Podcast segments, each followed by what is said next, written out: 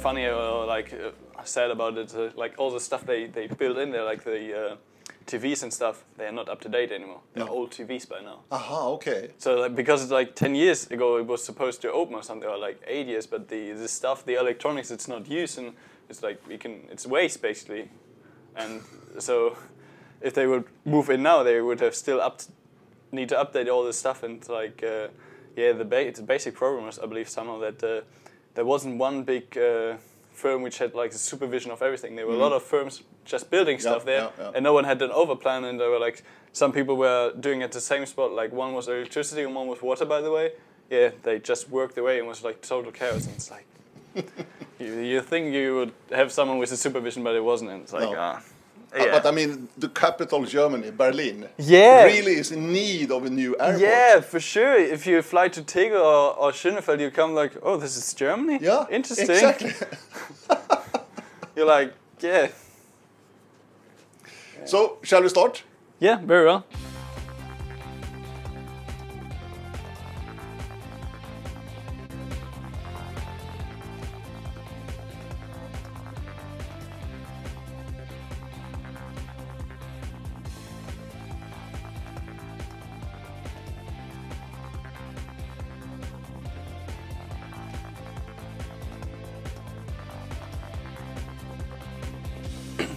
Very welcome to Radio O-ringen podcast, Colin. Yeah, talk, talk. Swedish? Yeah. Some Swedish, or? Yeah, the most I can get now, maybe more. Yeah, maybe more. Maybe because you're studying Swedish, actually. yeah, at- at the university I'm doing a bit Swedish, I believe it's uh, for an orienteer, a must have. Yeah. Let's come back to that later. How uh, how would you like to introduce yourself for my listeners? Uh, well, I would start with my biggest achievement, I guess, uh, which was the sprint JWOC title uh, in 2018 in Hungary. It was uh, my biggest achievement, and uh, yeah, it was it's still great. And if I think about it, I have to laugh and smile about it. Uh, yeah, it makes me happy if I think about it. And yeah, well, basically, I'm an orienteer from Germany, not the biggest orienteering nation. Um, so yeah, I come from a rather big town, Dortmund. Uh, not the biggest for orienteering though, but my family brought me to orienteering, and ever since I did child orienteering, the usual orienteering family, and uh, been to a lot of uh, summer and Easter competitions and stuff like that. And yeah, well, grew into the sport, fell in love with the sport, and now I'm here. Yeah, now you're here, and we are in uh, China, actually. yeah, that's true. You crazy. got- have you turned 21 or? yes, uh, yeah, I you are 21 yes, years old, and this is a second visit already in China. or? Yeah, yeah, it's uh, it's crazy. It started all last year. I got invited uh, to PWT after my sprint win, and uh, yeah, it was a great opportunity and still is, and uh, just amazing to do orienteering in, uh, in China, especially like the the maps in Beijing or around Beijing are, are just fun, and uh, yeah, love sprint orienteering, love orienteering. So. It's a big country. Yeah, it's a huge country. You You see a lot here already, but it's uh, it's a vast country still to, to see if you want to see it all. Another big country, uh, actually the biggest in Europe, is Germany. So let's start there because I'm quite curious and also interested in orienteering, how it's de- developed in Germany nowadays. Because, as I said, it's the biggest country in Europe, most populated. Yeah, that's true. Yeah, That's true. But orienteering still it's a very very small sport in Germany.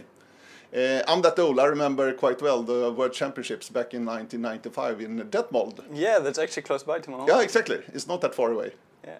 Have you run that course? Not that course, but it's uh, it's definitely on my list. I, I know the map. And uh, funny story, actually, I was in Sweden for Schiffermanna lately, and uh, on the toilet of the clubhouse was exactly that map. No. And uh, I, I looked to the right and was like, I know that beer brand which was sponsoring the map. I was like looking at the map. Oh, I know the map actually also. It was like so fun. And uh, yeah, I, I ran in the train actually, but uh, not that course. But it's definitely on the list of uh, for, for me and another friend also. Do you think it's still possible? Yeah, I would say so. Um, Definitely, the the greens in the map have changed Mm-hmm. of for course, sure. of course. The usual, but the I mean, it's still a still a valid map, and actually, a lot of maps from from the area are based on those um, maps for the world champs at Mm. that time. So 95, you know, you were not born at that time. not yet, no, no.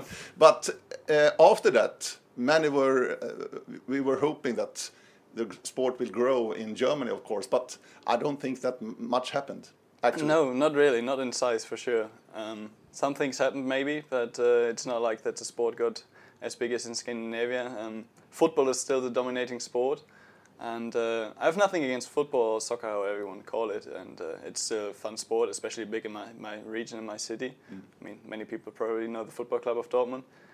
And uh, yeah, soccer is a great sport, but also that means that it's so big in Germany that some other sports, especially the small sports like orienteering in this case, uh, yeah, don't get so much attention, or it's hard to get attention.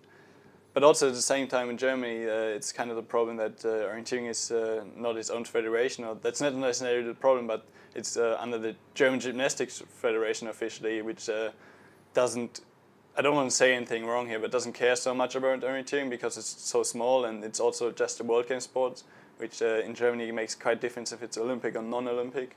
Even though, of course, it's a World Game sport, so, it's Olympically recognized. But yeah, it's it's sad that there are not so many people doing orienteering because, uh, I mean, we are orienteers, we love our sport, and orienteering is a great sport, and so yeah, there are sadly not so many uh, opportunities to that. I don't know really why it's so like this. Um, some reason might be that uh, that uh, people like in the orienteering company just want to have it as a sport, and uh, as a sport you need to like you grow a lot of when you have the elite part of it, and uh, to to show off the elite kind of and have those big races, and it's very small elite in Germany, or not that top level elite from Germany, sadly, or maybe not right now, not yet, but uh, yeah, we'll see what's coming, but yeah, it's not very big, sadly. But when you have a big competition in Germany, how many participants is it? Well, we call it because Germany, Deutschland, in, in Germany it's DM. It's probably as big as a DM, like a district uh, Mr. Cup in uh, in, in Swe- Sweden. Uh, so it's like yeah, roughly 800 to maybe a bit more than 1,000 people. But uh, yeah, that's I would say a rather small number for for a championship itself. And yeah, uh, not really that, that much orienteers now. But when you look at the country, and I've been there many, many times, there's a lot of forests, a lot of woods, and a lot of nice terrains in, Yeah, in Germany. certainly, certainly. There are a lot of great maps, or like at least great terrains in Germany. The trouble, though, is that uh, there's some some misunderstanding, or the the forest owners uh, don't really like orienteering, or even though they are, we we as a orienteering community in Germany try to like say, yeah, we don't do so much. If they're going with like big chainsaws and those big machines through the forest, they do way more damage than thousand people can do in in a weekend but it's still hard to convince and get the rights and permits uh, because uh, without the right and permit you can't do anything officially as a competition or anything. So yeah, but of course there are very great trains. We have like beautiful national parks where it's just even fun to, to run on the trails and roads, and it would be even greater for an orienteer to, to go in the train, but it's it's hard to get. But actually, like we have a lot of uh, old towns, so sprint maps wise, we are kind of well equipped, I would say. Just the door. Just the the door. door. Nothing crazy.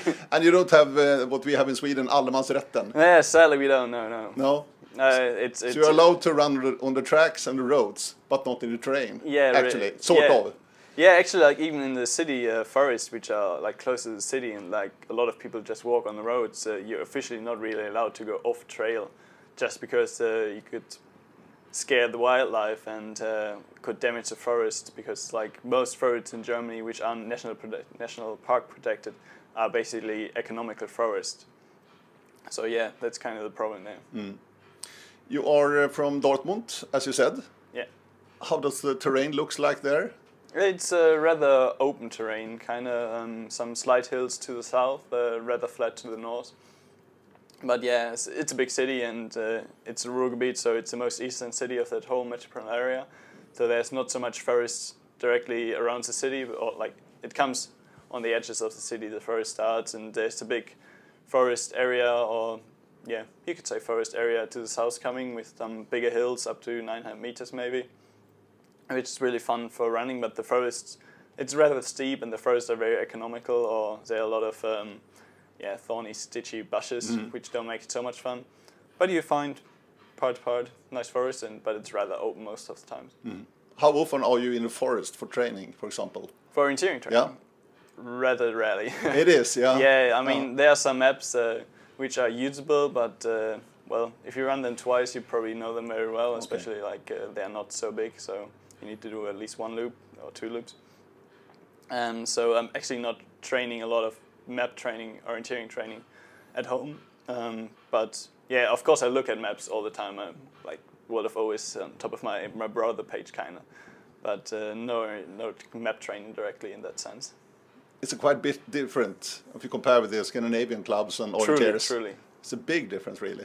Yeah, that's uh, that's uh, that's really true. And uh, but yeah, that's uh, I know that of course, and uh, know how to work with it. So uh, the trainings uh, with the map trainings I do, uh, I really need to focus and know that they're important for me because I have the rare opportunity now to do orienteering trainings, and so I really focus, try to focus on, on, on the camp and like get the quality up, and it's not so much about quantity because I just can't do that.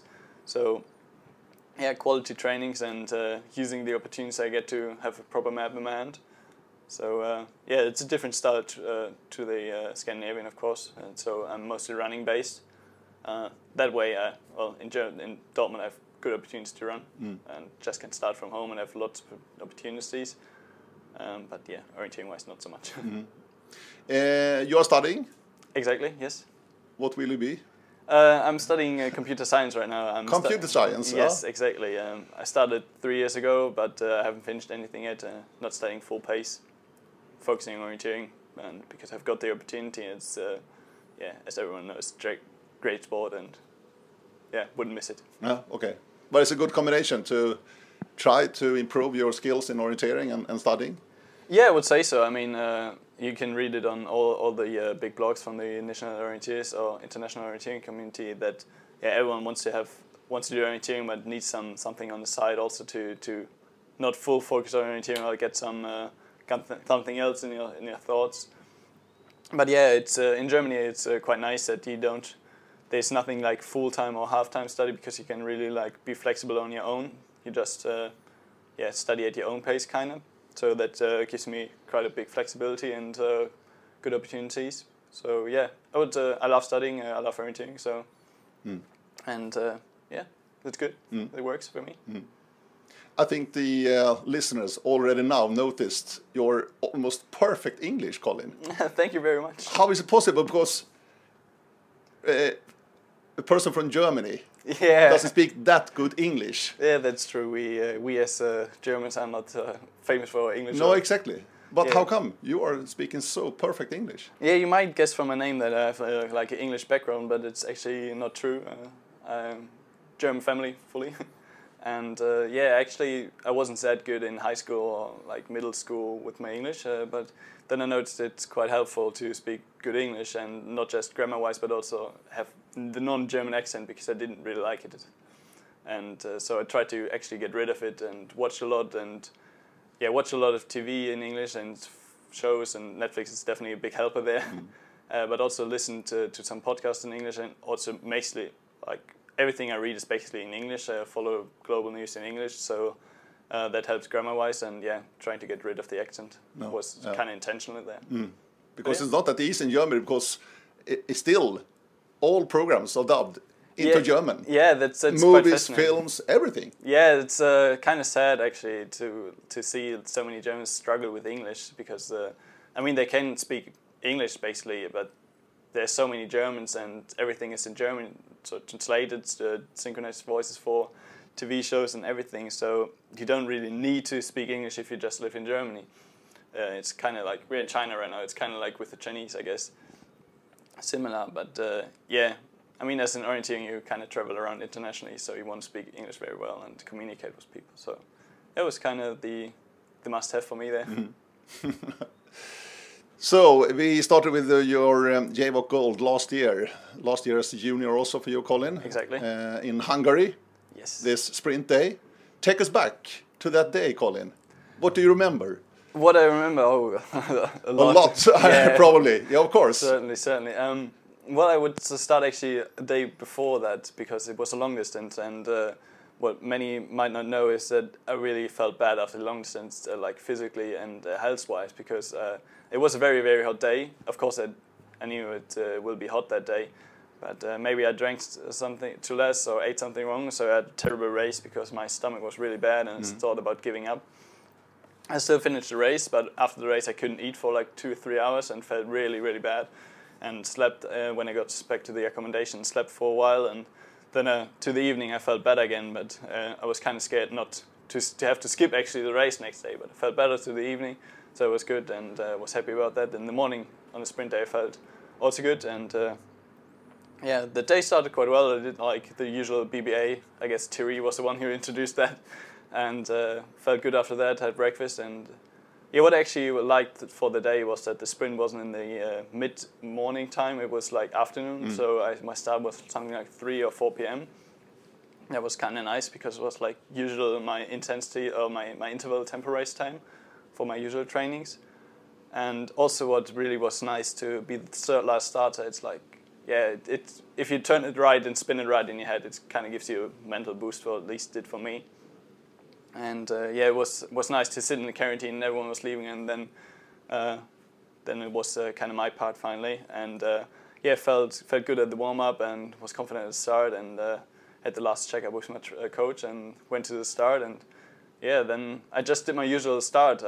like I start very fast, even though it doesn't feel that fast. So it's funny, like at JWOC last year, I believe uh, three best times to the first control, and uh, everyone was like, "Oh, how did you do that?" And so my coach always said, "Yeah, start slow," and yeah, I start slow instead of the best time. It's uh, funny, and yeah. but yeah, it's that uh, simple, simply a good race. It had flow. It worked out perfectly to the first control, second control, and continued like that.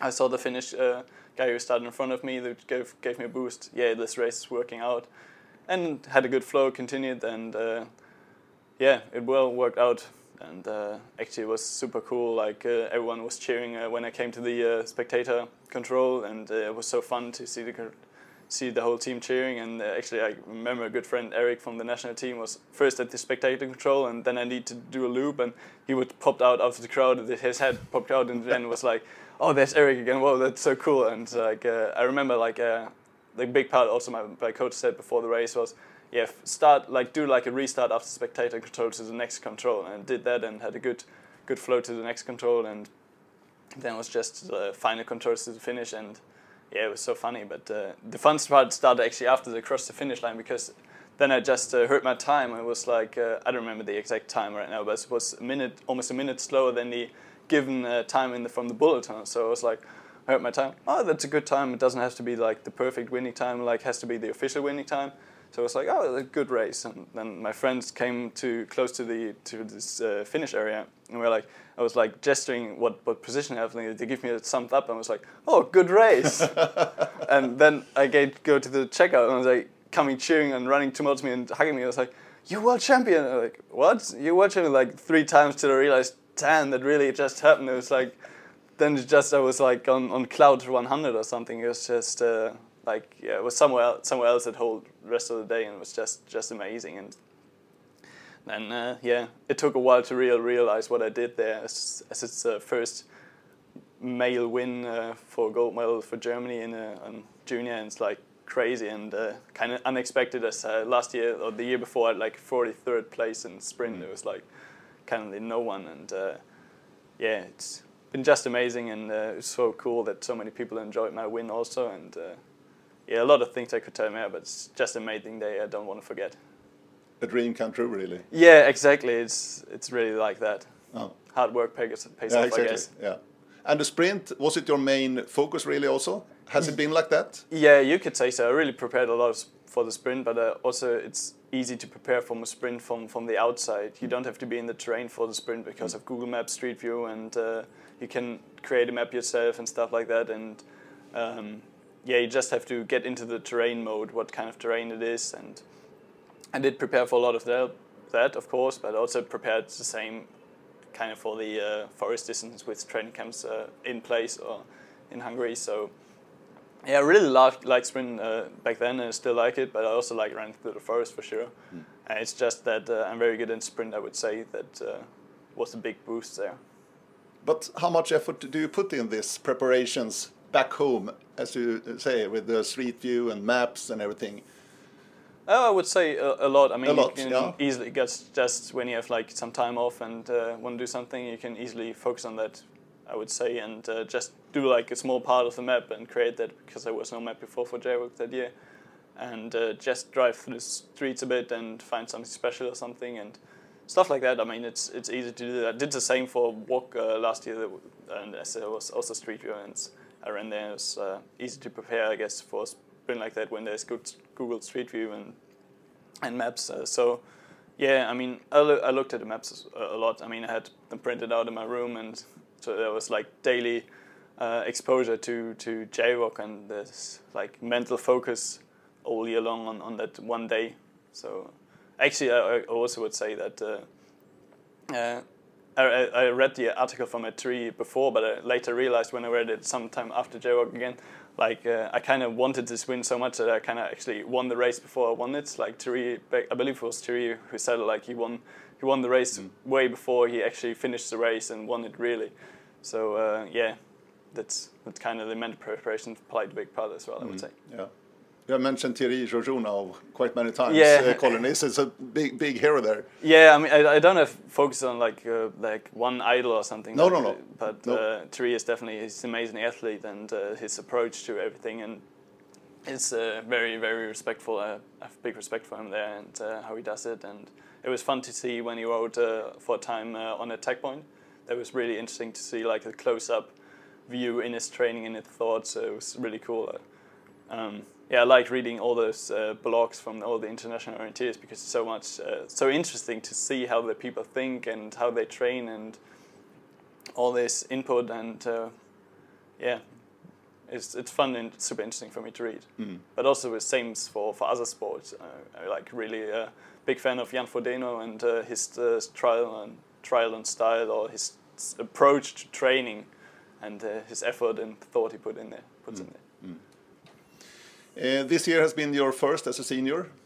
How has it been? You have been injured. We will talk about that also, Colin. But how, how was it, this step from junior to become a, senior?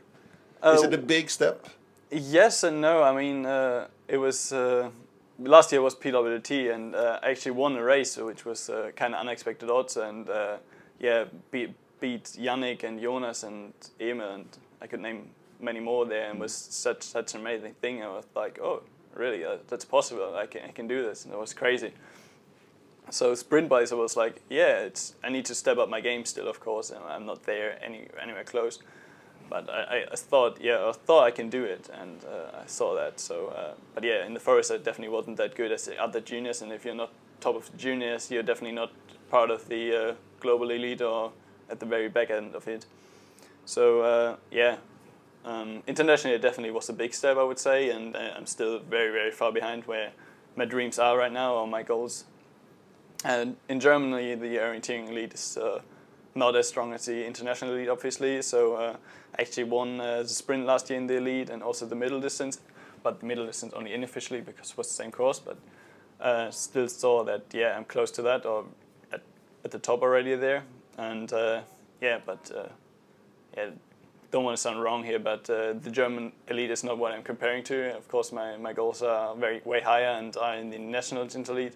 So that was a big step, I would say. Like, but yeah, it's uh, I'm not as good as Kasper. Of, of course, he's a one-time talent, I would say, mm. and uh, so I need to put way more in work, and that takes more time. I, I know that. So uh, yeah, it's a small step and uh, a long but way to go. But you're willing to do it. Yeah, of course. Yeah. Mm. Uh, I mean, I've been struggling. You mentioned the injury. It's uh, injury is often not just or long injuries, not just physically struggling. It also gives you a mental struggle at the time because you can't do something about it and uh, you're not getting there where you want. So, but yeah, it's always for me like that. If I struggle or something like that, sets back.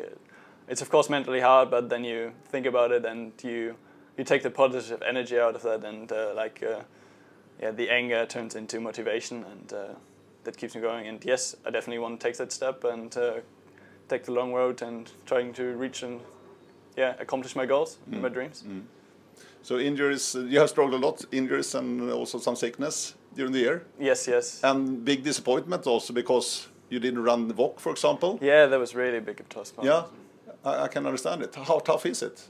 Uh, really tough. Uh, in actually, like in the end of last year, I wasn't sure if I really want to go for WOC already because it's Norway. I mean, the Scandinavians really and forest WOC also. Exactly. It, that like two things coming together, like forest WOC in Scandinavia, where Scandinavians definitely have uh, kind of an advantage already.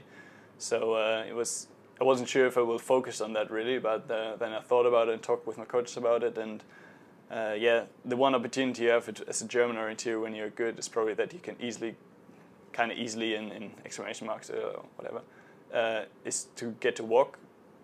So my focus was definitely after some time on WOC, and I wanted to go there to at least yeah get the experience and have the opportunity to race around the races, and I should do that. Um, but yeah, it didn't work out, and it was uh, really tough not to run WOC in the end because uh, yeah, I had my focus on that, and then you don't get there, and it's like, yeah, what do I do now? And uh, didn't uh, yeah, wasn't so good at coping with the uh, with the how do you say the best way um, the failure there. Mm. It was kind of tough this year. Mm. But how is now? Now it's mid-November. Are you back 100% physically? Uh, definitely not. Uh, um, yeah, I would say that I'm in a worse shape than last year, which definitely is uh, is a bad feeling, and uh, it's not surprising. I mean, the training does, hasn't worked out this, uh, this year at all. It was the sickness and uh, then the injury in uh, April, mid May, and uh, after that I struggled to to get back in shape and had some motivation problems because of that.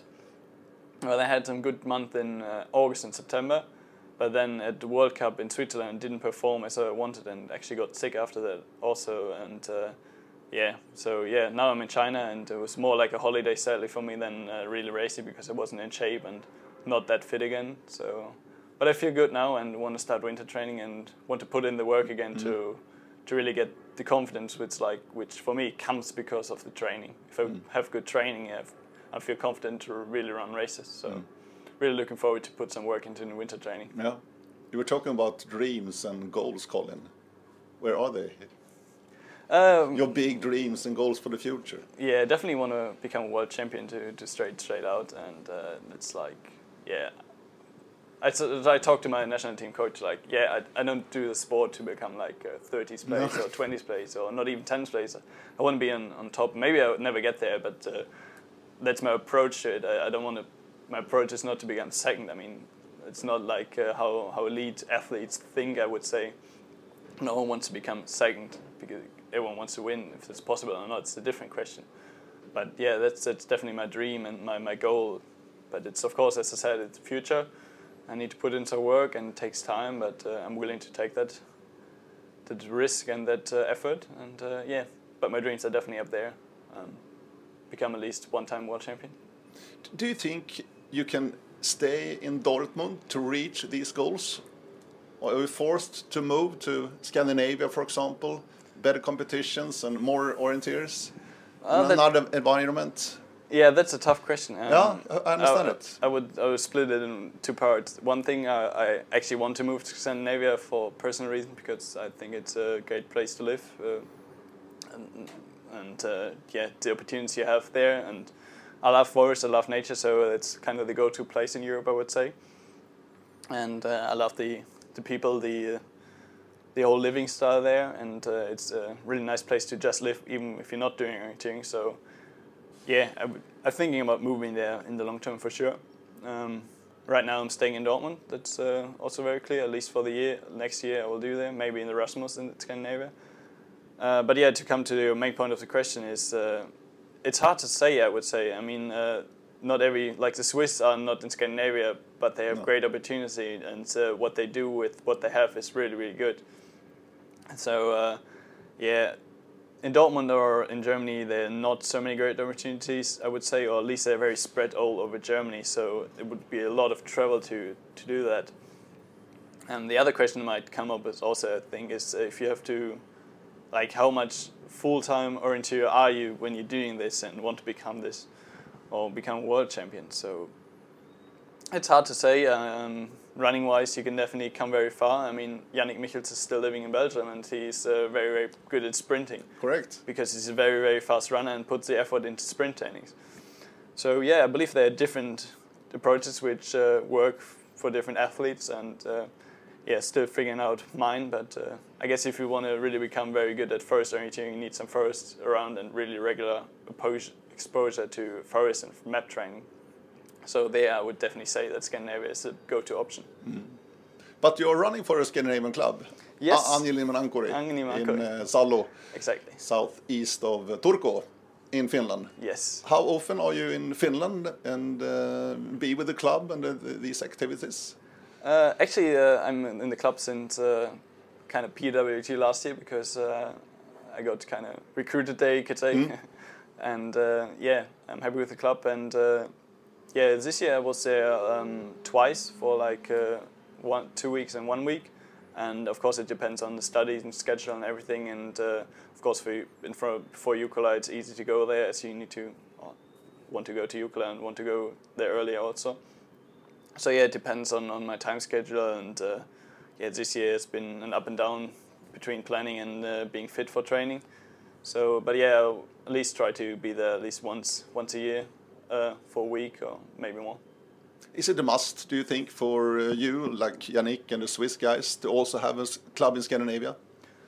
Um, I guess so, because uh, there are not many clubs from uh, outside of Scandinavia going to uh, or Tiomila, which is all the big events uh, for like relay. Of course, it's a big thing in Scandinavia, and yeah, you need a Scandinavian club if you want to have a good team and uh, also to show off your skills. And at the same time, it's uh, yeah very obvious that the Scandinavian clubs offer uh, the uh, Scandina- like all the runners opportunities with the financial support and uh, all that support they, they give out and uh, they create opportunities uh, for the orienteering athletes itself, but also they yeah invest in the whole orienteering game there. So uh, without them, the investment, uh, there wouldn't be like elite athlete would struggle without their support. I would say.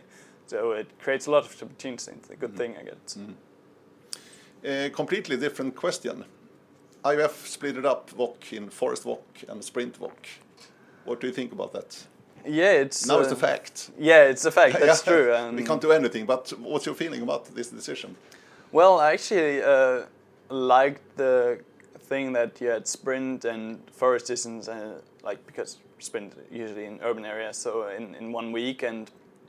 Uh, but the thing with WOC is it's not like JWOC. Everyone at JWOC wants every distance, but a WOC is usually not like that because yeah, you have the few people like Danny Hubmann or Tove who run everything, but usually not everyone runs everything because there are not the spots for everyone and stuff like that. So uh, I think in that way it makes kind of sense because uh, you have just few people who run everything. If the WOC, sprint, and first would be one, so that kind of makes sense. But yeah, I like the way like a complete athlete is good at sprint and a long distance, uh, and uh, yeah. But yeah, I, I think it's uh, we'll have to see how it really turns out. But uh, I'm not against it for sure. Mm it will definitely be interesting uh, to see how, oh and who will be there to start line next year. Mm. And you will be there. I want to be there for sure. That's certain. That's the main focus right now. Yeah, I would say so. To be fit and and, uh, and and prepared for, for the sprint WOC in Denmark. Yeah, exactly. I mean, I will also run the WOC, uh, or want to run the World Cup races, and of course there are also forest races there. But uh, yeah, the the focus in the head is definitely on sprint, and mm. I really like sprint, and yeah, why not go to sprint week next week? Do you already have a plan? How detailed are you when it comes to training sessions and such things? Are you working a lot with that? Also analysis? Um, well, I've got a training plan usually for. Uh, it depends on the, on the, period of the year. For winter training, it's usually that uh, there's a two-week plan, so there's still not so much planned out because maybe one session won't work out that much. And uh, but yeah, I'm in constant uh, contact with my coach who lives close by, and we like when I'm really in training, we talk at least every second day about the training, and he reads my training updates on Attackmon, Strava, or wherever. So yeah, he analyzes probably a lot and puts work in that and plans and works with my feedback, and also of course I, I can see myself. I would say at some point you get kind of experience yourself what's working for you and what's not working for you. So uh, I can work with that, and uh, yeah, there's of course a long-term plan, but it's not like detailed in like training sessions to to work or something. But of course, the the highlights for next year are kind of clear, and uh, yeah, so this is basically the plan. And of course, analysis is uh, especially in orienteering a big big part of the game, I would say, to really know where your strengths and where your failures or weaknesses lay, and uh, where you need to work on and whatnot. So yeah, that's kind of the way. But you have a coach, you said. Yes, uh, is he a running coach also? Uh, is he a orienteer? Uh, both. Uh, it might some people might actually know him. It's Alexander Lubina. Ah, he was a very very good track Exactly. athlete back then, and also very good at sprint orienteering. Uh, coincidentally, maybe. Yeah. so uh, yeah, it's uh, he's coaching me for a couple of years now. and It's uh, really working out, and uh, yeah, I mean, you saw last year that was also his uh, his part of success there, and uh, yeah, we're a good team, I would say, and it works out for me, and uh, yeah, it's uh, it's good, yeah. You, you have find your way, or will you change any- anything this winter because of your injuries or such things? Uh, no, I would say the injuries this year was mainly uh, because of um, yeah I fell while racing and that probably like was the main reason for that uh, injury. Uh, don't think about changing this year so much. Uh, I mean, I still will run first races next year, at least at Two Mila Jukola and German champs and stuff like that. So uh, there's still the basic orienteering training or basic uh, like runner running training to that. So no big changes in that sense. And uh, right now it's working. The training of him, his style is working very well for me, and I don't see anything to change. And I'm not hitting a plateau, I guess, right now. So uh, there's not so much to change. And uh, yeah, don't see any reason to, to change it as long as it's working. Very and working in the right direction. Uh, exactly. Uh, Colin, you are 21 years old. You are a junior world champion, Yes. but you have never ran Tiomila, or not either O-ringen. Yeah, it's uh, it's very sad to hear that again uh, so loud. Uh, I was at Tiomila this year, to be fair, but because of the injury, I didn't run. But uh, I'm coming closer to running Tiomila, I would say. And uh, yeah, O-ringen is a very very sad part. Uh, my mom has an advantage there of me to me. That's uh, Ah, she has been there. yeah, she's been there. I have been, uh, but it was uh, back then in the 1980s, I believe. So, and uh, yeah, but I definitely want to. I, I follow O-ringen every every year, but uh, every time it's uh, it doesn't work out time wise for me to, to go there because of studies or something else. But uh, yeah, I always always follow and listen to the po- O-ringen um, radio. It's like. Oh damn! I want to be there. and of course, I look at the maps and the results uh, every time, and uh, yeah, I, I follow it, but I'm not there yet. No, but you have no decision yet about when you will come to O-ringen for the first time. No, uh, not. Uh, especially as uh, the WOC next year will be in July and O-ringen will be after. And uh, in Germany, it's quite weird study times. So officially, my my uh, semester is still going on in July. So uh, I might not go to O-ringen because of studying because I need to be in university at that time to be at WOC. O-ringen as an Olympic sport, is it realistic? You mean O-ringen or orienteering? Or, oh, I mean orienteering, of course. I mean orienteering, of Yeah. course. Yeah, sorry. Uh, that's a good, good question, and uh, there, I will. I mean, the discussion is going on for quite some time in the orienteering community, and there are a lot of different opin- opinions. And uh, yeah, it, was uh, kind of interesting or sad to see with the CISM this year and uh, all the stuff going on there, which was uh, not so nice. And uh, I mean, there's always cheating possible, but in orienteering, it's uh, like a lot of people said, it's based on fairness, and everyone accepts fairness, and everyone knows about it, and everyone respects fairness. But it's hard to control. Like you can just go in an embargoed area, and no one would notice. I mean, so uh, in that way, it might get uh, get difficult, and also. Orienteering is very, very European sport focused sport currently. The main orienteering community lives in Europe, basically. So uh, yeah, it's it's a difficult question. What I can say is that in Germany or like in a lot of other countries probably as well, it would make a big difference if it would be Olympic because of the whole support system is behind Olympic sport and World Games sports just fall over the edge there and don't get really so much attention or support basically, in, uh, be it financial or otherwise. And uh, that would make in Germany at least a big difference for, for us athletes. Uh, but I don't I'm not 100% sure, but I don't think the orienteering as Olympic sport would be the best thing to do, at least right now. because of Yeah, because of uh, it, it's so hard to control everything to, to really create a fair fair event there, and uh, also the uh, the exposure would be good, I would say, but maybe not completely good. And uh, yeah, some people might come into the sport which shouldn't be really in the sport and create some some trouble maybe, which wouldn't be so happy for the whole orienteering community and uh, for the sport itself. and the sport itself. Also, in my opinion, we are not commercial enough for the Olympic family. I believe. That's believe. true. Yeah. I agree. But it's also an advantage because I think our sport is clean Yeah, I, I when definitely it comes to doping. Yeah, Because doping and money is very much the same.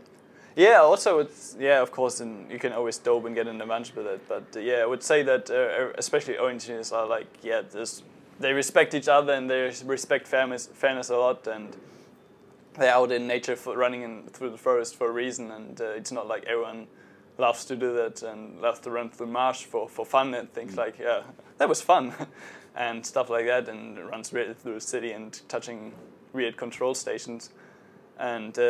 Yeah, so yeah, orienteers are special in that way, and uh, yeah, I, I agree on that point. In, in many countries, for especially Russia, Poland, the, the former Eastern Europe countries, World Games, it's much more uh, important compared with WOC Yeah. because they get money from the, from the government for the World Games. Is it the same that World Games also is quite big in Germany? Uh, yeah, I would definitely say bigger than, than WOC or Oh. something as well, and uh, there's not so much attention in, in German sports media for orienteering itself. There's some small local production or like yeah, when there's an orienteering competition or something like that. But yeah, I agree. Uh, on the on the World Games point, it would make a diff- big difference. So uh, currently, the goal is actually for, for Team Germany to go to get to the World Games. Otherwise, we might get even less funding in the next years, which would make orienteering or elite orienteering for Germans or Germany itself very very difficult. So the focus is for us there as well, and uh, because otherwise, if we don't get to the World Games, it might really get troublesome. So uh, the World Games are maybe not that big in Germany, but because the Olympics and soccer and stuff like that, it's very big. Uh, this, to, to quote shortly Boris Becker there, it was even, even though Thomas is, uh, tennis is very big, he even said at some sports gala some years ago that it said that soccer is so big in Germany that and that from a tennis pro star like that is uh, interesting to hear. So yeah, we'll see how, how it all works out. But yeah, but World Games is still important for such a small sport in Germany. Yes. I remember World Games 2005 in Duisburg, Yeah. not far away from you, in Dortmund. Yeah, it's actually not far away. Uh, I don't remember anything. I might have been there. I was. Uh, Ah, you were not that old, but uh, Yeah, seven, but I exactly. Mm. remember it. In, yeah, it was. Uh, in this rural area, Duisburg. Yeah, it's uh, yeah, it's uh, like Dortmund is in the most eastern part, Duisburg is in the most uh, western part, Yeah. and uh, yeah, I don't really actually know where where all the maps and stuff was, but uh, yeah, orienteering uh, event in Germany that can still happen. Yeah, Yeah, exactly. And it's so strange. You, you, you mentioned it uh, earlier on that the Deutsche Turnbund, yes, eller Verbund, Verband, yes, yes. Gymnastic Yeah, gymnastics Association, federation- Federation, oh, sorry. yeah. Yeah. Uh, so orienteering is this gymnastic federation. Exactly. It sounds so strange. Yeah, it sounds strange uh, not to just everyone else, but also to ourselves. And uh, I, I don't really understand it fully about uh, how it uh, came to happen like this. Uh, but yeah, officially we're under the the head of the uh, our bigger federation is the Gymnastics Federation of Germany. But there are basically a lot of sports, like uh, smaller sports. There's not just gymnas- gymnastic. There are a lot of sports collected, which are just smaller, or a bit bigger, or a bit smaller than orienteering under that federation just for organization purposes. But at the same time, it creates some, some bureaucracy problems and stuff like that for, for us orienteers because orienteering is, to many other sports, a very, very differently organized sport. So uh, there are, yeah, there are approaches and a lot of work done by, by our national team coaches and, and a lot of other people over the years and right now, of course, still going on to kind of get more support for orienteering and uh, yeah, support and create better opportunities for the sport in Germany. It, will- it the future might show what uh, will come there, but uh, of course we as athletes and sport hope for the best. And the question is also how many years we'll wait for the next WOC medal for seniors. Uh, I remember one. It was 99, Frauke Schmidt-Gran, the bronze medal in the short distance at that time in Scotland. Yeah, yeah, that's true. I think she's the only one. Yeah, she's definitely the only Yeah, one. And, yeah. uh, she's actually living in Norway now. I know, I know. Yeah, Yeah, surprisingly moved to Scandinavia. Um, yeah. But, yeah. are you alone, Colin, or are there some other guys also, girls and boys? Um, I would say I've got the biggest success, which like stands out right now, but I'm definitely not the, the only one. I mean, uh, there are a lot of other athletes, and uh, especially my year, like '98, is a very strong year. oh, sorry. And uh, there, yeah, we are kind of motivated bunch of people right now, and uh, all in the national team right now. And uh, yeah, we all ambi- have ambitions to, to go to the top, uh, but it's uh, it's tough, especially if you come from Germany. I would say because we don't have that background everyone from Scandinavia might have with with the clubs Oh. and stuff like that, and uh, we don't grew up in, in Scandinavian forests, sadly. so we don't have that, uh, yeah, that whole background of forest running in that sense.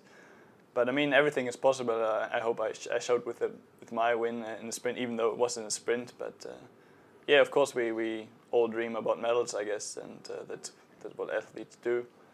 And but I can't tell when it will happen. But of course, we we're hoping for that and training for that. And the future will, will show, I guess, there also. But the sport is really tough out there. Yeah, There's um, so many good orienteers so and runners. and many more are always coming. I mean, Uh, exactly.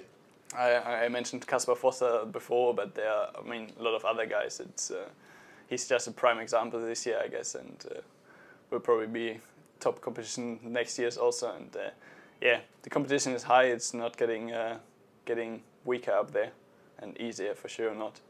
So uh, yeah, but I mean that uh, without competition, the sport would be boring, I would say, and that it's good for the sport to have some competition there. Very nice to meet you, Colin. Thank you. Same. And last question: What do you miss the most, food-wise, from home when you are here in China? Uh, it's not just when I'm here in China. It's probably when I'm abroad. Always, it's good, good German bread. Ah, of course. um, I'm a really bread person there. Um, some whole grain and different flours and stuff like that, and maybe also potatoes. But bread is always always top of the list there. Many thanks. Same thing. Eh, Colin Kolbe har ni hört här i Radio O-ringen Podcast. Hör gärna av er till radio oringen.se. Vi säger tack och hej. Hej då!